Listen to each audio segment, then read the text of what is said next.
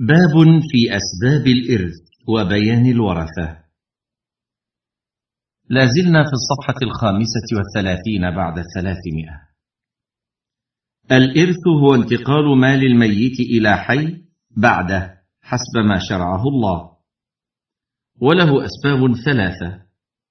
أولها الرحم أي القرابة وهم قرابة النسب قال الله تعالى.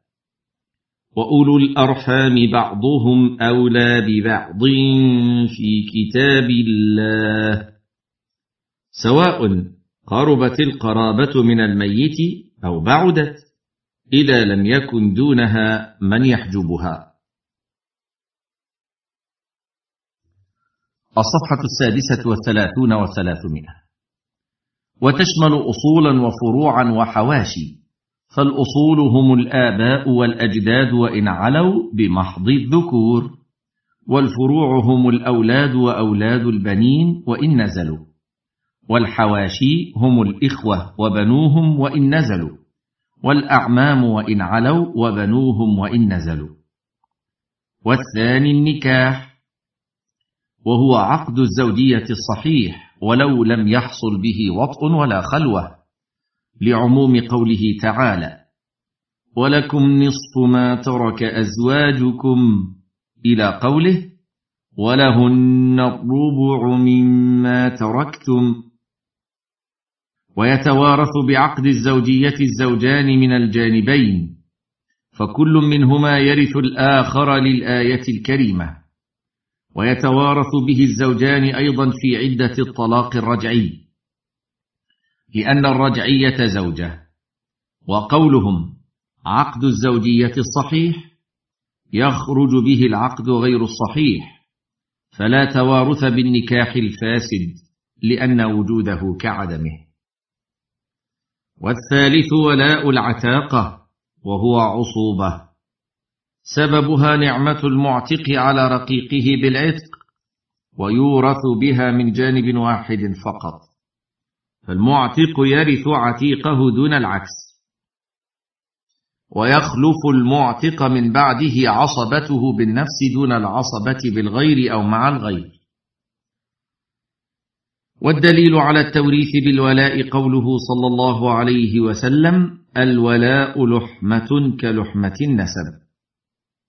رواه ابن حبان في صحيحه والحاكم وصححه. حاشية رواه ابن حبان برقم خمسين وتسعمائة بعد أربعة آلاف. والحاكم في الجزء الرابع الصفحة التاسعة والسبعين بعد ثلاثمائة. وقال صحيح الإسناد وفيه اختلاف.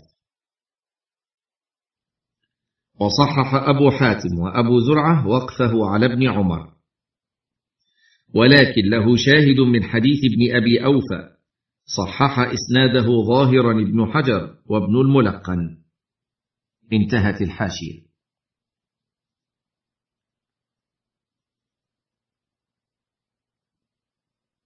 فشبه الولاء بالنسب والنسب يورث به فكذا الولاء. وهذا بالإجماع. وفي الصحيحين أن النبي صلى الله عليه وسلم قال إنما الولاء لمن أعتق. حاشية. رواه البخاري برقم ستة وخمسين ومائة بعد الألفين ومسلم برقم أربعة بعد الخمسمائة والألف. انتهى. أقسام الورثة باعتبار الجنس. الورثة ينقسمون باعتبار الجنس إلى ذكور وإناث. والوارثون من الذكور عشرة. الابن وابنه وإن نزل بمحض الذكور. لقوله تعالى يوصيكم الله في أولادكم للذكر مثل حظ الأنثيين.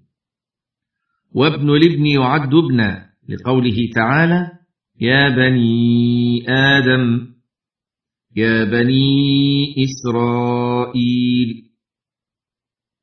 والأب وأبوه وإن علا بمحض الذكور كأبي الأب وأبي الجد لقوله تعالى ولأبويه لكل واحد منهما السدس. والجد أب وقد أعطاه النبي صلى الله عليه وسلم السدس.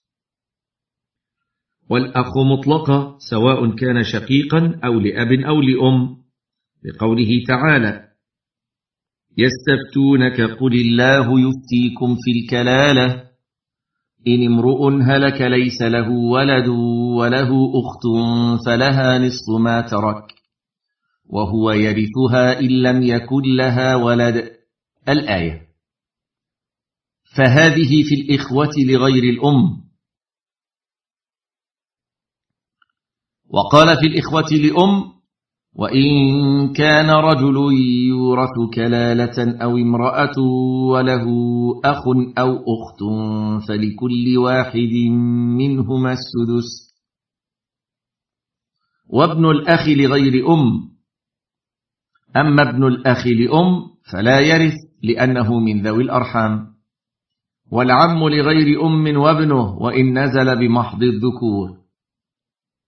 لقوله صلى الله عليه وسلم ألحق الفرائض بأهلها فما بقي فلأولى رجل ذكر حاشية رواه البخاري برقم اثنين وثلاثين وسبعمائة وستة آلاف ومسلم برقم خمسة عشر وستمائة بعد الألف. انتهى. والزوج لقوله تعالى ولكم نصف ما ترك أزواجكم والعاشر ذو الولاء وهو المعتق أو من يحل محله لقوله صلى الله عليه وسلم الولاء لحمة كلحمة النسب. حاشية. سبق في الجزء الثاني الصفحة التاسعة والتسعين والمئة. ويقصد هنا بالجزء الثاني حين كان هذا الكتاب من جزئين. ونحن الآن نقرأه مجموعا في جزء واحد. انتهى. وقوله صلى الله عليه وسلم وإنما الولاء لمن أعتق حاشية. رواه البخاري برقم ستة وخمسين ومائة بعد الألفين ومسلم برقم أربعة بعد الخمسمائة والألف. انتهى. والوارثات من النساء سبع. البنت وبنت الابن وإن نزل أبوها بمحض الذكور لقوله تعالى يوصيكم الله في أولادكم للذكر مثل حظ الأنثيين فإن كن نساء فوق اثنتين فلهن ثلثا ما ترك وإن كانت واحدة فلها النصف. والأم والجدة لقوله تعالى فإن لم يكن له ولد وورثه أبواه فلأمه الثلث. فإن كان له إخوة فلأمه السدس. وعن بريدة مرفوعة للجدة السدس إذا لم يكن دونها أم. رواه أبو داود. حاشية. برقم خمسة وتسعين وثمانمائة بعد الألفين. والدار قطني في الجزء الرابع برقم واحد وتسعين. والنسائي برقم ثمانية وثلاثين وثلاثمائة بعد ستة آلاف. وصححه ابن خزيمة وابن الجارود وقواه ابن عدي. وحسنه الترمذي بعد حديث برقم واحد بعد المئة والألفين وهو الآتي.